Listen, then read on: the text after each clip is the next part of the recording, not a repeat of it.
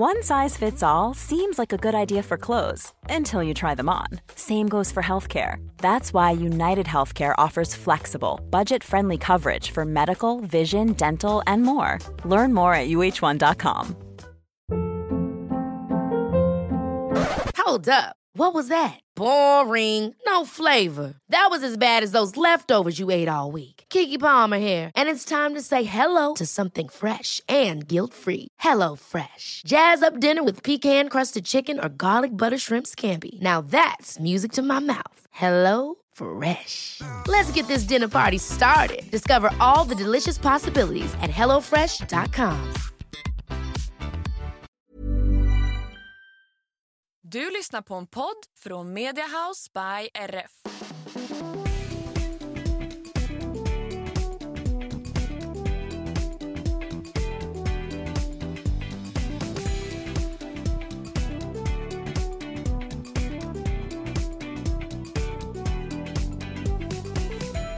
Hej allihopa och välkomna till systrarna Älvstrands hästpodd avsnitt 184. Tjenare, mitt namn är Anna. Och mitt namn är Emma och det här är podden om oss och våra fyra hästar och ridsporten i stort och smått. Det stämmer fint. Hur mår du idag? Ja men vi är ju nyss hemkomna ifrån vår Bulgarien-semester Anna. Och jag vet inte, det känns som om det är något sorts bulgariskt virus som har råkat följa med hem på något vis. Ja, vi hoppas ju att det är lite falskt alarm och att vi bara typ är lite trötta eller någonting. Ja. Jag vet inte. Det är ju lite så, man behöver typ semester från semester när man kommer hem. Ja men jag känner mig så konstig och det hela började väl med att jag körde ett benpass för ja, två dagar sedan blir det nu.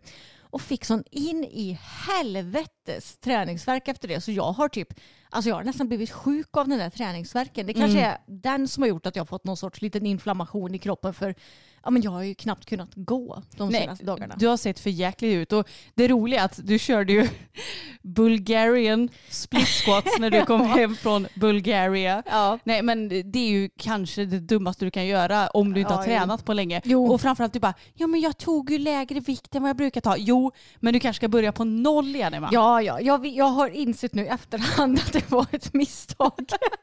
Men jag överskattar kanske min egna kropp och mina ben lite väl mycket ibland. Helt klart. Ja, men i alla fall, nu känns det som om jag har någon liten typ, du vet, tagg i halsen. Att halsen känns lite ja, men irriterad så som den kan bli innan man blir förkyld och jag är hur trött som helst. Men vi får se helt enkelt. Vi Ja. hade ju egentligen tänkt hoppa hästarna idag, men Ja. det blev inget med det. Både för att vi båda känner oss lite knepiga och plus att jag vet inte hur bra det hade gått för mig att hoppa när jag har den här sjuka träningsverken i benen. Nej, antagligen inte så bra. Och ibland så är det ju så att man känner av en liten tagg i halsen och så är det bara falskt alarm så försvinner det typ någon dag efter. Ja men exakt. Så vi håller tummarna för det. Det är det jag hoppas ska ske nu för jag var ju sjuk för bara typ en månad sedan. Ja, Efter Falsterbo. it's enough. Det kanske är Falsterbo, Bulgarien som min kropp inte klarar av. Kanske. Men eh, ska vi ta och prata lite om hur vi har haft det i Bulgarien Anna? Ja, men alltså först, ska du inte fråga hur jag mår? Jo men vi, du har ju sagt lite grann hur du mår Jag har också. inte sagt någonting hur jag mår, du har sagt hur jag mår. Okej, hur mår du Anna? Nej men jag är så glad. Ja. För att damerna tog ju VM-bronsmedalj i fotboll idag. Ja, idag när vi spelar in. Ja, så jag, jag blev så himla glad och jag har en ny idol. Mm. Cecilia Musovic.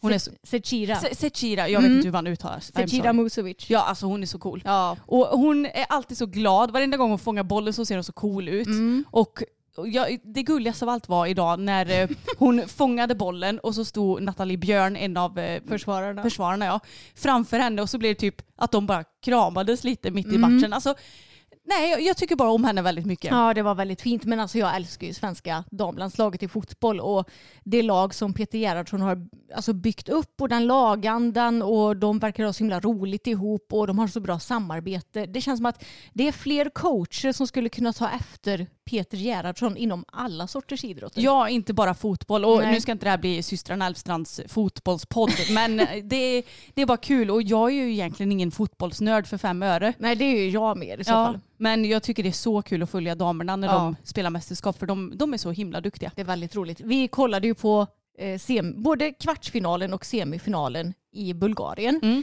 Kvartsfinalen, då spelade de mot Japan och då var vi på stranden och då vann de så då var vi väldigt glada.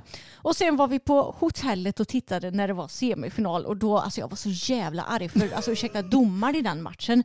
Det är så här, ni vet när man får riktigt dålig bedömning på dressyrbanan. Alltså, ja, när man får 50 procent men man förtjänar 75 Ja, ungefär. ja, precis. Det var så den domaren var. Den var så himla eh, Partisk. Ja, biased eller vad man nu säger. Mm. Så jag, eh, ja, jag blev så jävla irriterad. Så det Ja. var skönt att hon kunde vinna bronset idag. Ja, jag håller verkligen med. Men eh, nu lämnar vi fotbollssnacket bakom oss och hur har vi då haft det på vår semester? Nej men det har ju varit toppenbra. Vi har haft bra väder för det mesta. Det var väl kanske några små regndroppar som man kände någon gång och någon dag var det lite molnigt men då passade vi på att ta en roadtrip istället Anna. Mm, vi spanade in Sosopol och jag glömmer alltid av vad det heter. Nessebar. Nessebar.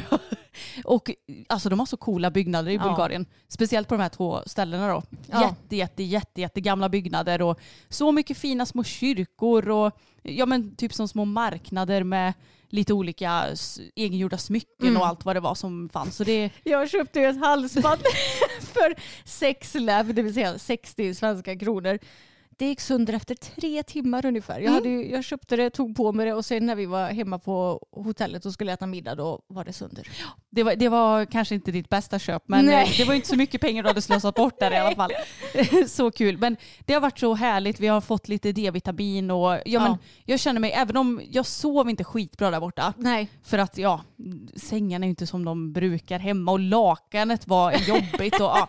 Så att eh, jag har inte sovit sådär jättemycket men jag känner mig ändå uppladdad för att vi kunde ta det så lugnt och ha Ja, det så gött. Liksom. Och vi sa det att hur, vi, vi känner oss lite smått dumma i huvudet nu efter den här resan. För innan den här resan så har vi gått och känt oss så trötta och energilösa. Mina naglar har varit katastrofala, skivat sig och gått under hela tiden. Man bara undrar vad det är för fel på mig. Ja. Och sen så när man kommer dit på riktigt efter typ två dagar där bara jag är jättepigg. Alltså, ja, jag alltså, känner mig så pigg. upp ur sängen. Jag bara, aha, vi har haft D-vitaminbrist. Hur fan kan vi inte ha fattat det när det inte har varit någon sol på typ hela sommaren? Jag vet. Alltså så jävla dumma, för jag äter ju D-vitamin hela vinterhalvåret men jag brukar aldrig äta det på sommarhalvåret för det brukar ändå vara så pass mycket sol att huden kan absorbera upp den här D-vitaminen. Mm. Men det har ju för fan typ inte varit någon sol nu i sommar så ursäkta men hur dum har man varit som inte har ätit D-vitamintillskott? Nej men jag vet. Jag, jag tror inte vi är de enda som inte har tänkt på det heller. Nej. Så hör du det här, känner du dig trött, ät lite D-vitamin. Ja exakt. Så det känns ju skönt att vi har kommit fram till den eh, sammanfattningen i alla fall. Verkligen. Och Mm. jag måste säga att vi, det roliga var att jag tror att vi bodde på ett fyrstjärnigt hotell. Ja. Vi reste med TUI och vi bokade så här, sista minuten och allt var charter och grejer. Så skönt att bara inte behöva tänka utan bara Mm. åka på semester. Men det här hotellet det hade ju lite att önska om man säger så. När jag och Emma kom fram och så skulle vi starta luftkonditioneringen eller AC'n började det lukta cigarettrök Mm. Ja. i hela rummet och jag bara men vad fan kommer det här ifrån då? Och jag bara men det luktade ju inte innan vi startade Nej. AC'n. Så det var ju tydligen den som jag vet inte vad de satt och röka vid insuget eller något. Ja, det luktade rök i alla fall tack vare den. Mm. Och sen så, alltså jag bryr mig inte så mycket om hur ett hotellrum ser ut men det syntes ju att de inte hade renoverat sedan 90-talet ungefär. Mm. Badrummet var desto fräschare tack och lov Ja. ändå. Och maten, vi var ju positivt överraskade de typ två första dagarna. Mm. Ja, precis. För de hade mycket så här bönor och linser och ja men ändå ganska bra mat sådär. Ja, Och sen så blev det typ bara sämre och sämre. ja. Det var typ så hundra olika sorters kål. Men Mm. jag gillar ju kål, men det får gärna vara någon annan sorts protein liksom till Exakt. det vegetariska. Ja, och vi hade ju all inclusive så det innebär ju att vi åt frukost, lunch, mellanmål och middag på hotellet. Ja. Det är klart att vi hade ju inte behövt göra det om vi inte velat men vi var lite snåla så vi valde att göra det. Mm. men nej, vi har haft det så bra. Men som alltid när man är iväg på semester så samlar man ju på sig så mycket motivation och längtan till att komma hem också. Ja, verkligen. Jag kände mig helt pirrig när jag visste att det är så här, nu är det bara någon dag kvar innan vi får åka hem. mm, det är så roligt. Vi träffade ju också en följare på hotellet. Ja just det, det har vi glömt att säga. Ja, Så sjukt, för vi, det roliga var att vi träffade också en eh, engelsman som vi ja, pratade lite med och gick ut och tog några drinkar med. eh, Som var jättetrevlig och som vi snackade mycket med de två sista dagarna. Och då berättade vi ändå om att ja, men i Sverige så är vi väl ändå relativt kända inom hästvärlden i alla fall. Men eh, vi är ju inte liksom allmänt kända. när vi sa det att vi kan ju typ gå på stan och sådär oftast utan att någon stannar in. Och här nere så är det inte så att någon kommer känna igen oss. Exakt. men det gjorde Men, det. Ja, klipp till en dag senare. Ja, och jag vill bara säga att det, det var ju bara roligt. Ja, ja. Ett himla kul sammanträffande för den chansen är ju ändå inte så stor tänker jag. Nej, verkligen. Och på tal om eh, vår engelska kompis Carl som vi träffade där nere då, så pratade vi lite om så här, ja men hästar och ridsporten och sådär. Och då sa jag det att ja men ni i England, även om ni inte är hästintresserade så måste ni väl ändå veta vem typ John Whittaker är? Ja och vilka John Whitt eller Whittaker-klanen ja, är liksom. precis. Ni måste ha hört talas om namnet Whittaker för jag tänker att de är ju så jävla kända så de måste ju ändå vara kända inom, alltså generellt i Mm. Storbritannien. Han bara, nej, ingen i hans familj visste vem Nej. John Whittaker var. Jag bara, men herregud, hur kan de inte veta det? Nej men jag jag fattar lite. inte för att jag menar de är ju superkända. Jag tror till och med att ja, men nästan en ointresserad hästmänniska i Sverige vet vilka Whittaker är. Ja. Nej men alltså det känns ju nästan som att de är så stora. Ja exakt och då känner jag bara, i Sverige så har, är det ju typ bara Malin Barriard som är känd för ja, men Gemene man. Ja, Mm. gemene man ja. Vilket är lite roligt eftersom hon är ju ändå kvinna. Så jag tycker ändå det är kul att det är hon som är den mest kända ryttaren. Ja och egentligen så är hon ju kanske, hon är ju superframgångsrik. Ja, men men hon är inte- den mest framgångsrika ändå. Nej, hon har ju kanske inte haft de framgångarna som typ Henrik Peder och Rolf-Göran har haft till Nej, exempel. exakt. Men ändå så är hon den mest kända. Jag tycker det, det, är, det är lite härligt ändå. Det är lite kaxigt. Ja, det, det, är ju, det kan ju inte hon rå för kanske tänkte jag säga. Men Nej, men det är ju kanske det här med Whittaker och sådär. Det kanske är ett bevis på att ridsporten är kanske, fan den är väldigt liten. Alltså om man ser bland sporter generellt. I Eng eller överlag menar du? Ja, att folk kanske inte har någon koll alls på vilka som är kända Mm. inom sporten. Men jag tycker också det är lustigt för jag menar Queen Elizabeth som eh, dog förra året var det va? Mm. Hon var ju ändå väldigt hästintresserad. Och då tänker jag att då borde, för de är ju så himla, eh, alltså de gillar ju verkligen sin kungafamilj i Ja, England. man tänker ju att England och Storbritannien ska vara ett, så här, ett eh, lite så här ridsportligt land. Exakt det är det jag menar, att Och det borde vara lite mer allmänt känt. Men Ja. nej, så var det inte och det tyckte jag var lite intressant. Ja. Men eh, sen vi kom hem så har vi ju då såklart hunnit med ett gäng ridpass och vi började hela kalaset med att rida lite dressyr på hästarna. Och Fokus, han kändes så otroligt fin. Ja. Det var så roligt för att jag, jag tycker alltid att det är lite svårt när jag inte ridit honom på ett tag och jag vet att jag nämnt det tidigare. Att det känns som att våran finjustering, den är inte riktigt intunad sådär jättebra. Men han var otroligt fin och jag tror att det här passet det är nog några av de bästa galoppombytena vi har gjort någonsin. Ja men han gjorde riktigt bra byten för jag tycker att nu med fokus, jag tycker att ni får till fler och fler rena byten, alltså att han byter samtidigt i bak som i fram. Men han har ju en tendens att bli lite kort i bak, alltså Mm. att han inte sätter in under sig i bakbenen så mycket som han vill. Lite tendens till jämfota. Ja precis, det, Ja. det är inte jämfota men lite mer åt det hållet. Mm. Men nu det här passet så fick du till så jäkla luftiga och fina byten. Ja, och ändå att han, det var som ett flyt genom hela kroppen på honom. Och det är så kul för att jag har nog inte riktigt fattat vilken galopp jag behöver ha i bytena. Jag har insett att det är nog väldigt olika beroende på vilken häst man sitter på. Jag, eh, har jag pratat om det här tidigare? Ja, du, du kan säga det igen i så fall Ja, jag. för jag, jag har ju ridit lite byten på min kompis Mirandas Ella och på henne så behöver man ha lite liksom fart och lite kraft in i bytena. Speciellt om man ska göra många byten på rad för att ja, men annars så tappar hon lite bensinen med vägens gång. Men Fokus behöver tvärtom mycket samling in Ja. i bytena för annars så faller han bara isär och om han blir lång då är ju bakbenen långt bort i kroppen. Ja. Eller inte ens under kroppen. Nej, och då är det jättesvårt för honom att ha kraften till att byta rent. Ja, men det, tror du inte också att det beror på att, ja, men som Mirandas Ella, hon är mycket mindre än vad Fokus är. Jo. Fokus är ju mycket längre på alla sätt och vis han har väldigt långa ben. Så det, det känns som att sådana hästar kanske man behöver hålla ihop lite mer. Ja men kanske. Så det känns ändå gött att jag börjar äntligen. Gud vad det här tar tid. Men det är inte så konstigt för jag kan inte göra galoppombyten på ett eh, vettigt sätt tänkte jag säga.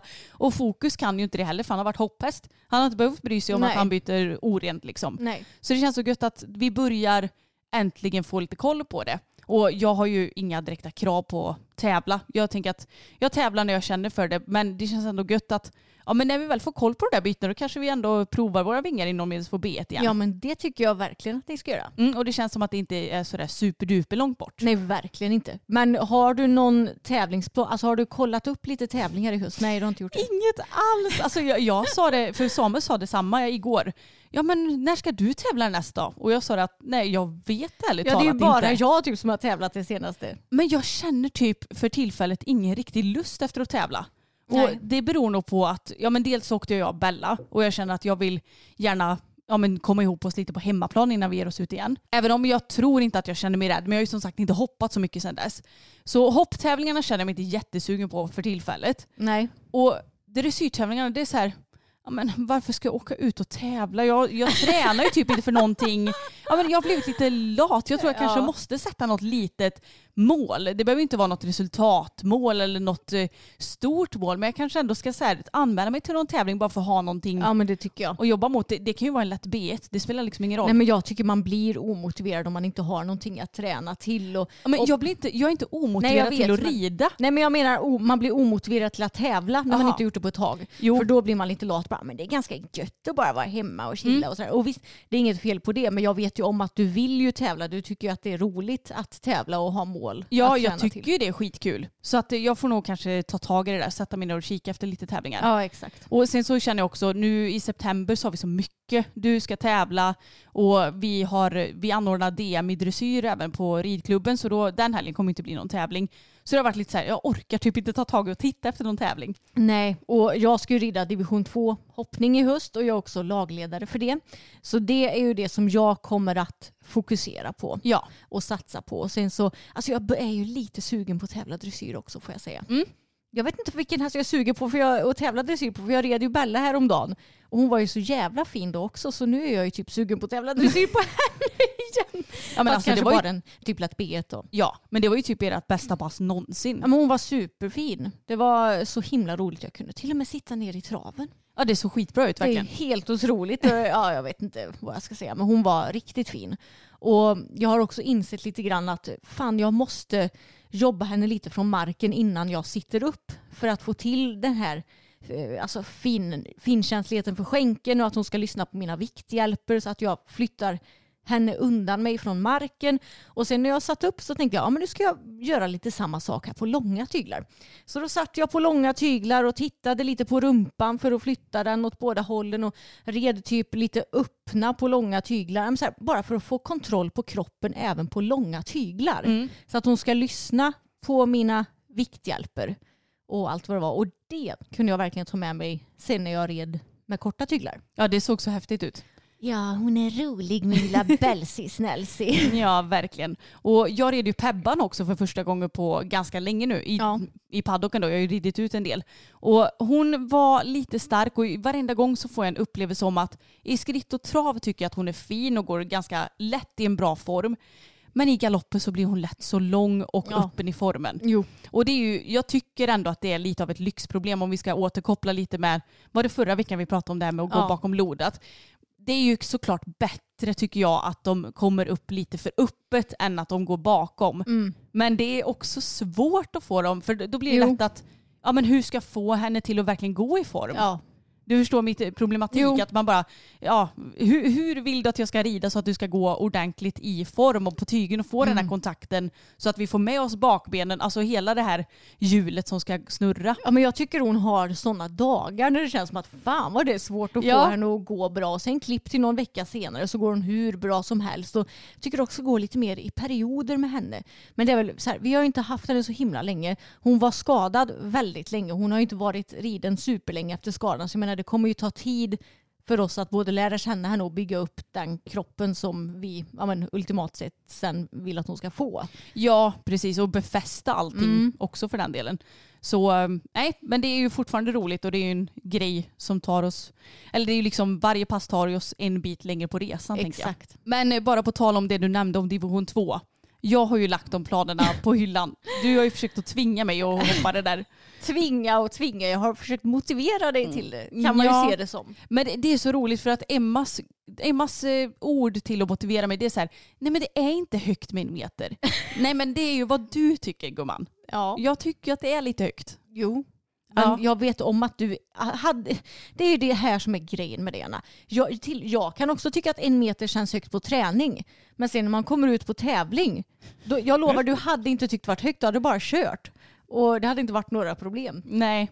Ja men eh, jag, nej, jag ska inte vara med i division 2. Nej, alltså du, jag tvingar dig inte. Du Nej. måste inte. Jag vet. Men däremot ska det vara kul, och, eller det ska bli väldigt roligt att åka med på lagtävlingar för det är ju något speciellt Mm. med lagtävlingar. Japp. Och så småningom kanske jag och Belsan vågar oss på någon en meterklass men det blir inte nu under division 2 i alla fall. Eh, Ni är ju egentligen anmälda till en, en meter, vad är det, andra september. Ja, jag vet men jag tänkte överlåta tyglarna till dig. Ja, jag får väl rida henne istället då. Men då vill jag fasen hoppa henne någon mer gång. För innan förra tävlingen så hoppade jag henne typ så här en gång. Ja. nu gick ju det visserligen bra ändå förutom att hon var lilla snigel då men det kan ju vara skönt att eh, ja, ha lite mer språng i kroppen kanske. Ja såklart.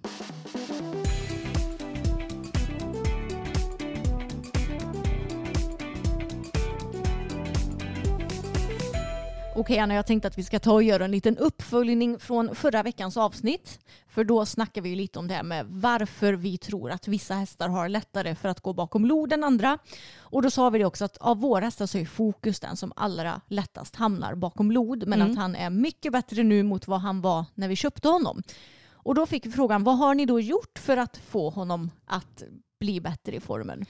Oj, nu måste jag gräva i arkivet tänkte jag säga, det vill säga min hjärna.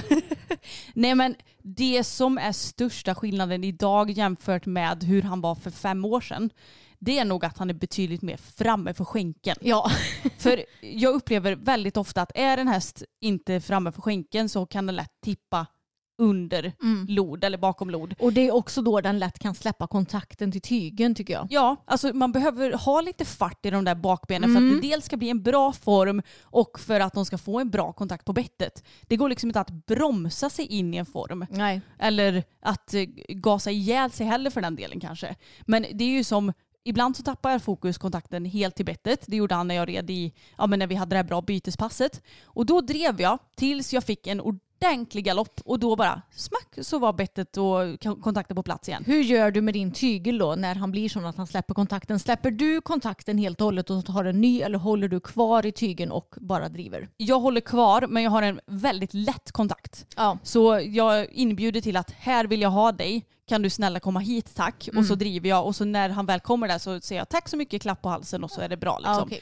Så jag tror också att det som man måste hitta på varje häst det är den här perfekta tygel, vad ska man säga, alltså tyngden i tygen. Jag menar vissa hästar kräver ju att man håller mer i tygen, alltså har mer kontakt mm. i handen. Medan vissa är väldigt känsliga och vill inte ha så mycket kontakt alls. Och det hade jag nog också lite svårt för i början på fokus för jag var ju rädd för att rida honom i början också. Ja. Så jag tror jag höll lite för hårt i honom. Så det blev väl som en ond cirkel att jag höll hårt i honom, han gick bakom lod och ja, alltså det var ju såklart på grund av mig i dubbel aspekt. Jag skulle drivit mer och lättat mer i handen. Så det är nog egentligen det. Sen så har han ju såklart också byggt upp mer styrka genom åren. Um, vad skulle du säga Emma? Har du något att tillägga? Ja men framförallt så är han ju också hundra gånger mer avspänd mot vad han var jo. i början.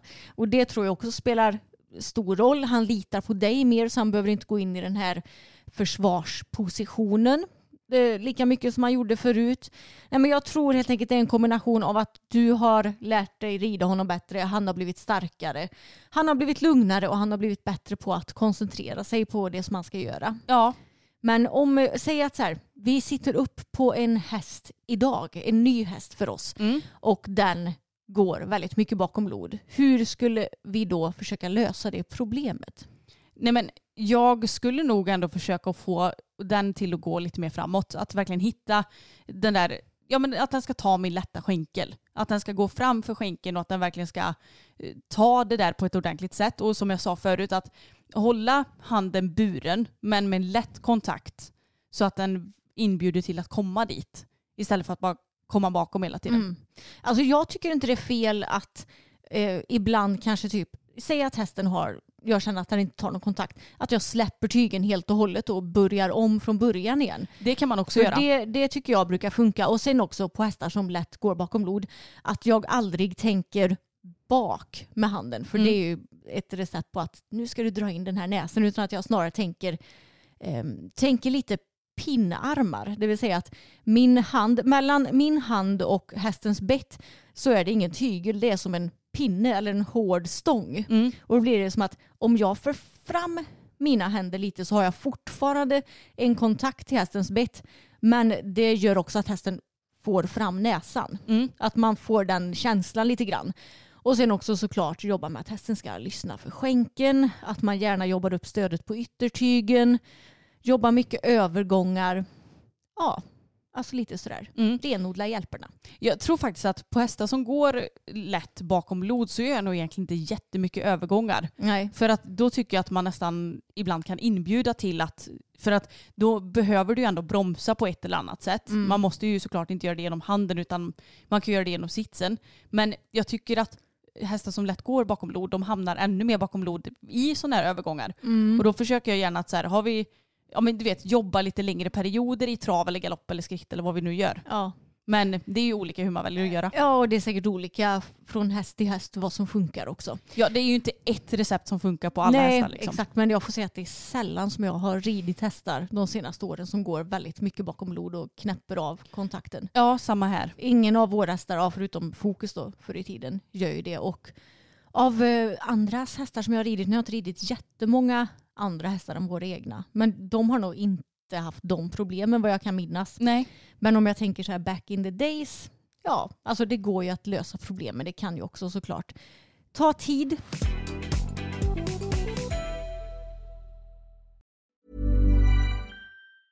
Hey, it's Danny Pellegrino from Everything Iconic. Ready to upgrade your style game without blowing your budget? Check out Quince. They've got all the good stuff shirts and polos, activewear, and fine leather goods, all at 50 to 80% less than other high end brands. And the best part? They're all about safe, ethical, and responsible manufacturing. Get that luxury vibe without the luxury price tag. Hit up quince.com slash upgrade for free shipping and 365 day returns on your next order. That's quince.com slash upgrade.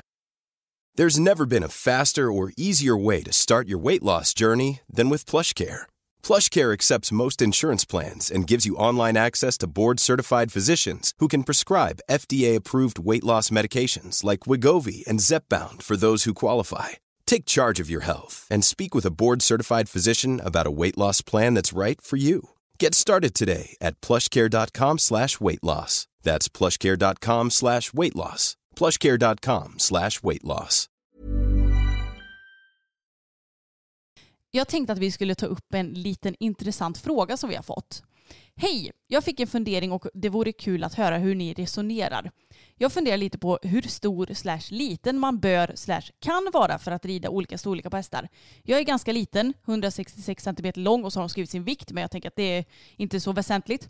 Så jag har ofta fått rida småhästar och ponnyer. Jag har ridit mycket C-ponny men en maxad sådan som jag även hoppat drygt en meter med.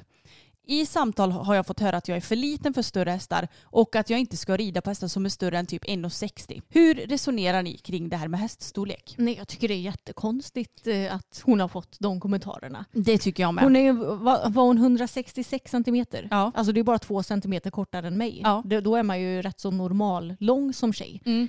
Och en häst på 1,60 tycker jag är litet. Alltså en Ja. liten häst. Så, ja, jag fattar inte. För det första fattar jag inte vilka är de här människorna som har sagt det här till dig. Men sen om vi ska snacka lite om frågan i sig så får jag säga att jag tycker ändå att det är lite skillnad på små barn och vuxna ryttare. För när det kommer till små barn som kanske ska lära sig rida, som inte är jätterutinerade, då kanske det ändå kan vara skönt för dem att rida på ponnysar som är alltså lite mer lagom stora så att de ändå kan använda sin skänkel så att inte skänkeln ligger typ precis under sadeln så att de knappt har något Nej. att använda med. Eller att eh, ponnyn kanske är alldeles för het så de inte kan få stopp på den eller vad det nu kan vara. Men om vi ska prata lite om vuxna människor så ser man ju ändå ganska så ofta riktigt stora hästar, alltså typ bop-size runt 1,80 där det ändå är väldigt små ryttare som rider. Och det är ju inga problem.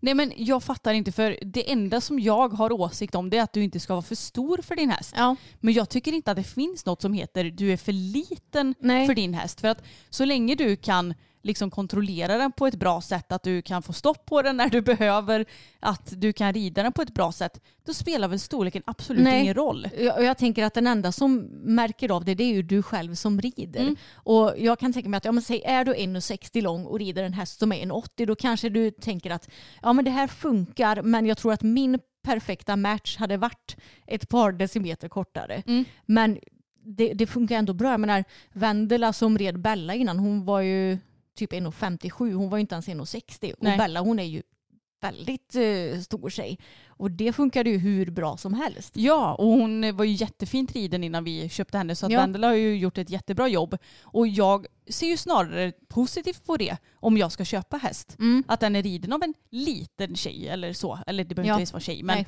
då, då vet jag ju att den kan manövreras av en liten person. Att det inte behöver ridas på styrka. Nej men exakt. För att det har vi ju upplevt genom åren när vi har provridit. Att aha, det här är en mansriden häst. Det här är liksom en häst som är riden av någon som är ganska så stor och använder mycket stora hjälper. Ja, och har väldigt långa ben Ja, till exempel. exakt. Så jag, jag eh, personligen eh, tycker ju inte att det är något fel på att vara liten och rida stora hästar. Absolut inte.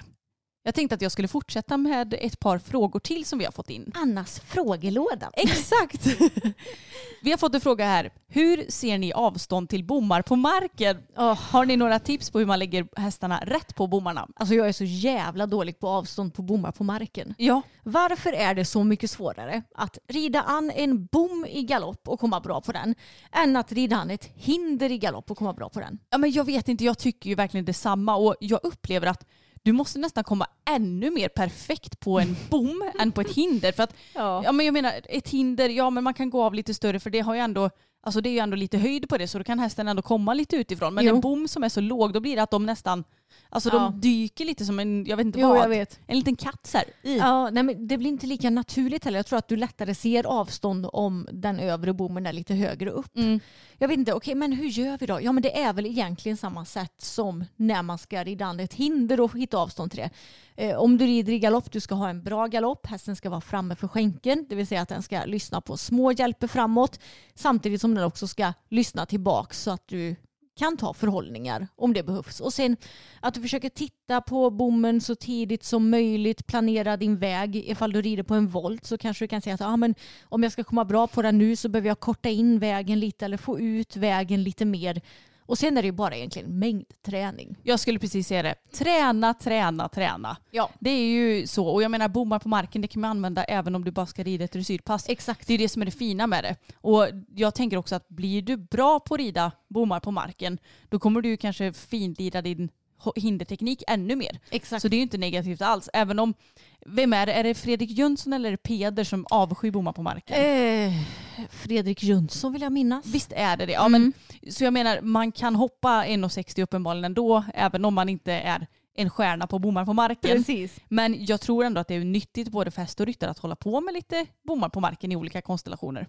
Och en sista fråga som jag tänkte att vi skulle ta upp i alla fall det här poddavsnittet. Hej, en fråga till podden. Varför tycker ni det är skönt att rida med ridhandskar? Jag rider bara med handskar på vintern, sen är det en sån befrielse när man slipper dem till våren. Tycker man förlorar så mycket känsla i handskar hur tunna de än är. Vad är era tankar kring det? Ja, men jag förstår ju ändå den här frågan. Jag som tror att jag är lite på autismspektrat. Ja. eh, jag kan säga som så här, det finns ett märke med handskar som jag kan rida med. Och det är Rockel. Mm. För att de, du känner typ inte av att de är på din hand. Nej men det är ju ett andra skinn. Det, det är som ett andra skinn. Annars så, jag har provat många andra handskar och jag, problemet med min hand är att jag har korta och tjocka fingrar och det är inte lätt att hitta någonting som passar då. Nej men du, du är ju ganska bred över handflatan också liksom. Ja. Eller vad man ska säga. Så jag menar det, det är inte så lätt att hitta rätt Nej. handskstorlek då. Och För då- många är ju väldigt smala i fingrarna. Precis, och då får man på någonting och så känns det som att äh, gud, jag kan knappt röra mina Mm. fingrar. Och då, eh, I så fall om jag hade ridit med något sånt där så hade jag ju absolut känt mig begränsad. Att nu kan jag inte vara lika jag vet inte, snabb och känslig Mm. i min hand och sådär. Så eh, för det första, ha, hitta en bra handske. Mm. Och Rockel har ju också bra vinterhandskar tycker jag. Det har de verkligen. Men jag tror att största anledningen till att vi rider med handskar det är ju för att Ja men jag vet inte, jag, jag har aldrig varit bekväm utan helt Nej. enkelt. Vi började med att rida med ridhandskar och sen dess har vi bara varit fast. Även om vi har ju bytt lite handskmodell genom åren. Vi började med sådana här magic. Ma- magiska handskar. Ja. Ja men alltså det var in, inget fel på dem.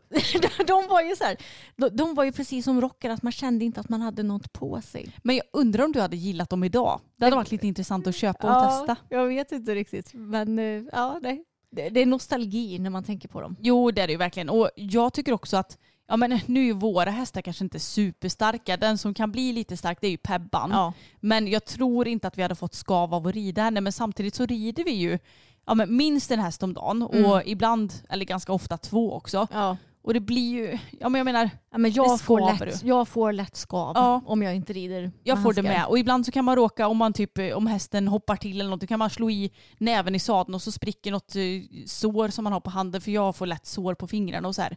Så att jag, jag trivs inte utan handskar. Nej, inte jag heller. Även om jag förstår vad, vad du tänker med att komma ännu närmare tygen liksom utan.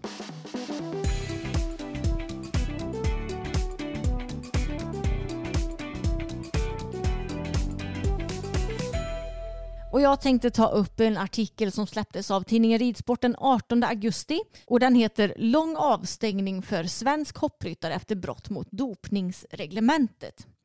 Det är Matilda Karlsson som får ett långt straff av Internationella ridsportförbundet FEI. Den Tysklandsbaserade ryttarens avstängning började i mitten av juni. Nu är FEIs utredning klar och tiden för avstängning därmed fastställd. Det blir en lång sådan då den gäller till och med den 14 januari 2025, totalt 19 månader. Det var i samband med tävlingar i Italien i februari som avstängningen initierades. 39-åriga Matilda Karlsson uteblev för tredje gången inom 12 månader till en dopningskontroll som gällde henne själv, vilket inte är tillåtet enligt FEIs dopningsreglemente. Och sen står det lite om Matilda och att hon representerade även Sri Lanka på OS i Tokyo och hennes kval dit fick en del uppmärksamhet. Och eh, det blev ju en lång avstängning som sagt, 19 månader. Mm. Mm. Och det tycker jag är helt rätt. Att man verkligen tar tag i och visar att det inte är okej att utebli från sådana här dopningskontroller. Jaha, så hon dök alltså inte upp på dopingkontrollen? Nej, precis. Hon uteblev från tre stycken Okej. inom loppet av ett år.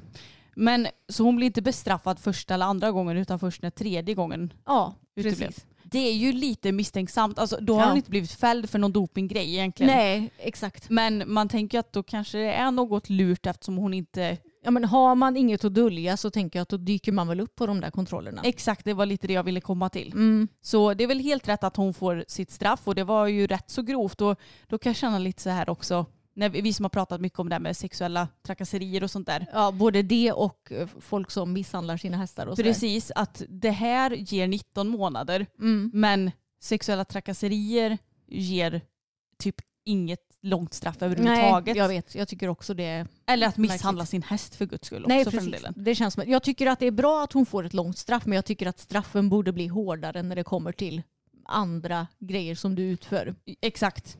Det är det jag ville komma till också. Mm. Och hennes straff borde ju inte bli mindre för det. För Nej. Du ska ju göra, alltså jag menar det finns ju regler. Och har, Ja. du, har du blivit utvald att kolla doping, eller det kanske alla gör på den nivån, det vet Mm. inte jag. Men då ska det ju dyka upp liksom. Precis, och jag tyckte det var så roligt för som vanligt var jag inne och läste lite kommentarer på Facebook och då var det så här, någon i Hipsons kommentarsfält. Jag, jag måste gå in och läsa så att jag läser rätt. Okej, nu har jag hittat kommentaren.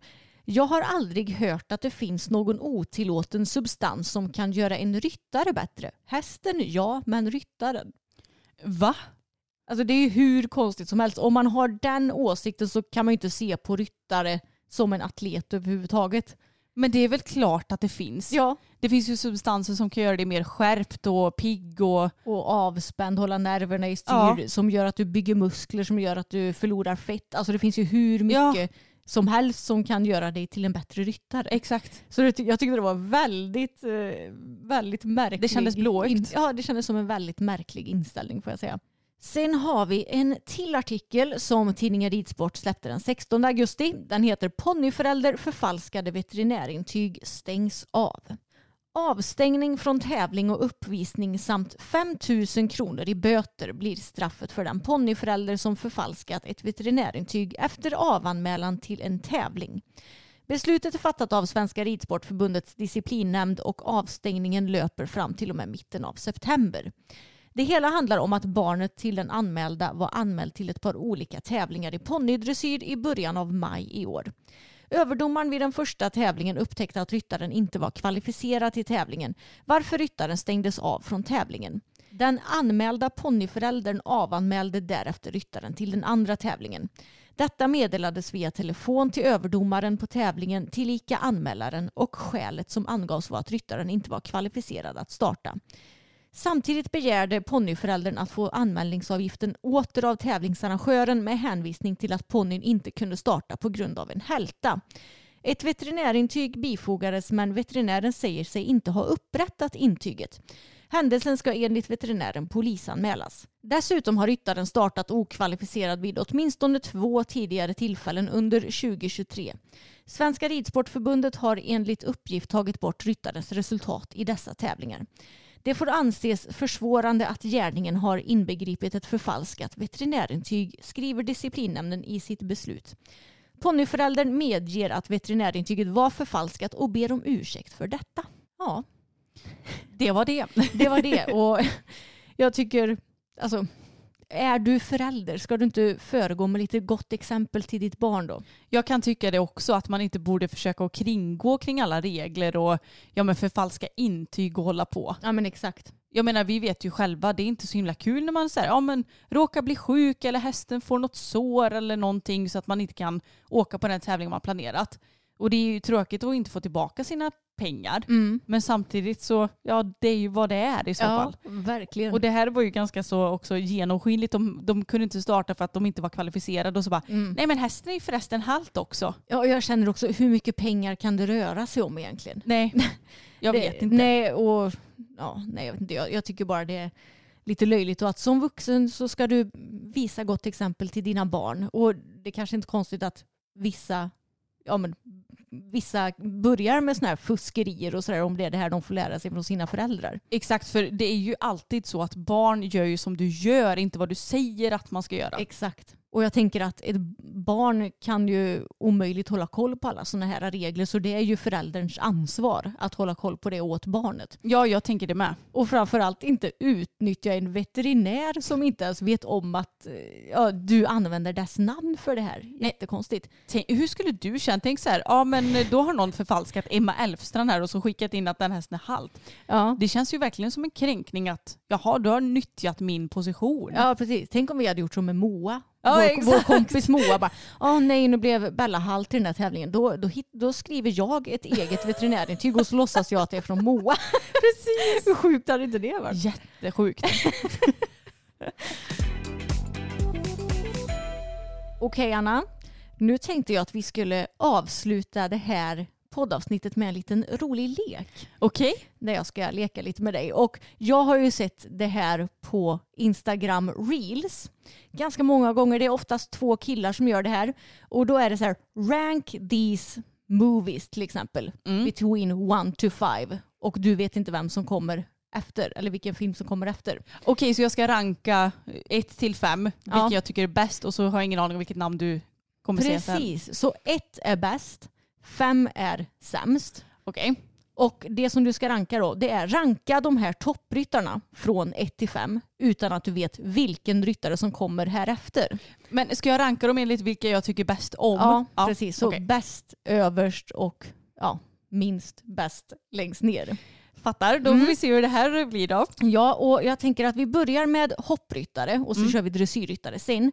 Så först kör vi hoppryttare och jag har valt, valt ut ryttare som jag är ganska säker på att både du och de som lyssnar på podden har lite koll på.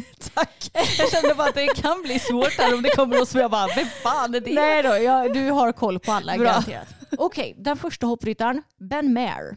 Fyra. Så du tänker att han ska vara näst sämst av de som jag säger?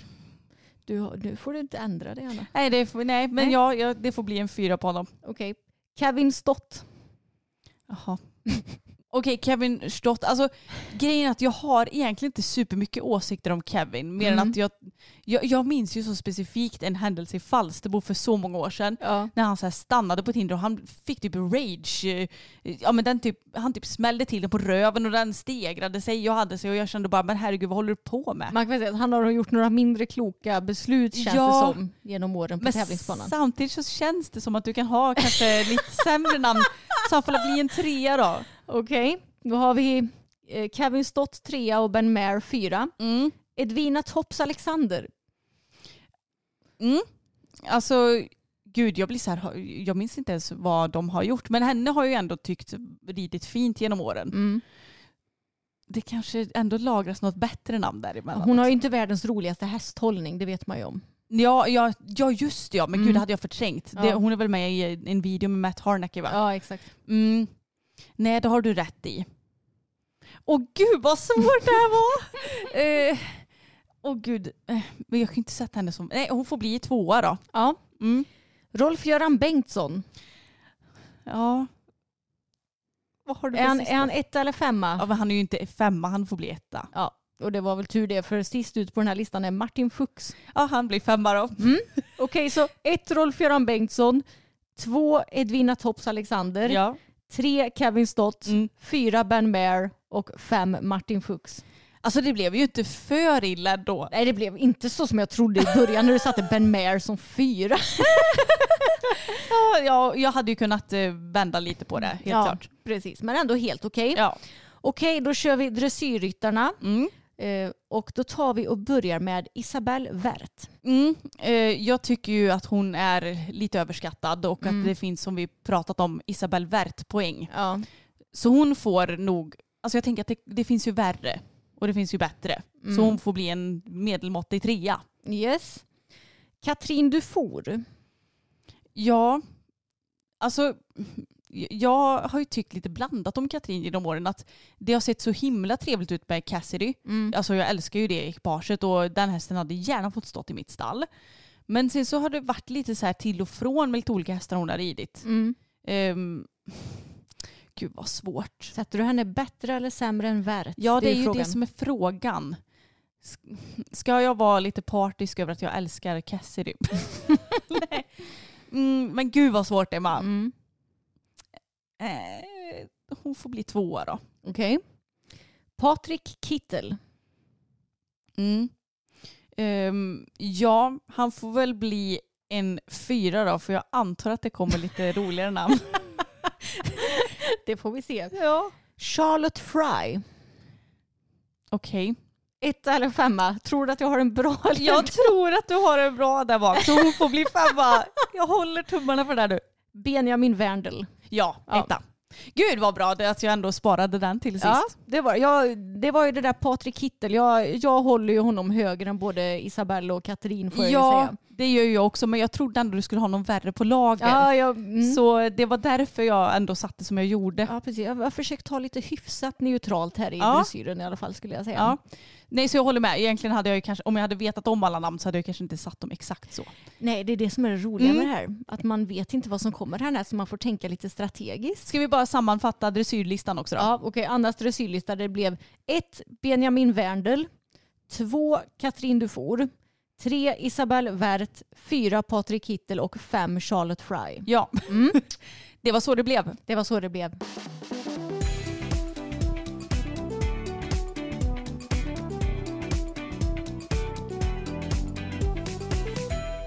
Ja, det var ju sneaky av det att du kom på en liten lek så här i slutet av poddavsnittet Emma. Man får väl försöka föra över så här Instagram och TikTok-trenderna i poddformat.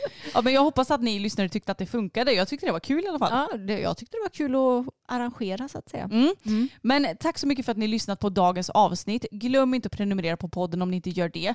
Vi finns ju också på YouTube där vi har släppt ett gäng roliga videor och mer kommer ju väntas i höst kan vi ju avslöja. Det kommer det. Vi, Vi- håller lite på den karamellen. Ja, vi kokar ihop lite just nu Mm. som vi... Det gör vi. Lite hemligt tills vidare. Japp. Gud, det är så krystat. Men ja, ni kommer få se vad det blir. Så systrarna Elfstrand heter vi där. Det heter vi också på Instagram och vi har en poddmerch som vi har länkat till i beskrivningen. Det stämmer bra det. Ha det bäst allihopa så hörs vi igen nästa vecka. Det gör vi. Hej då! Hej då!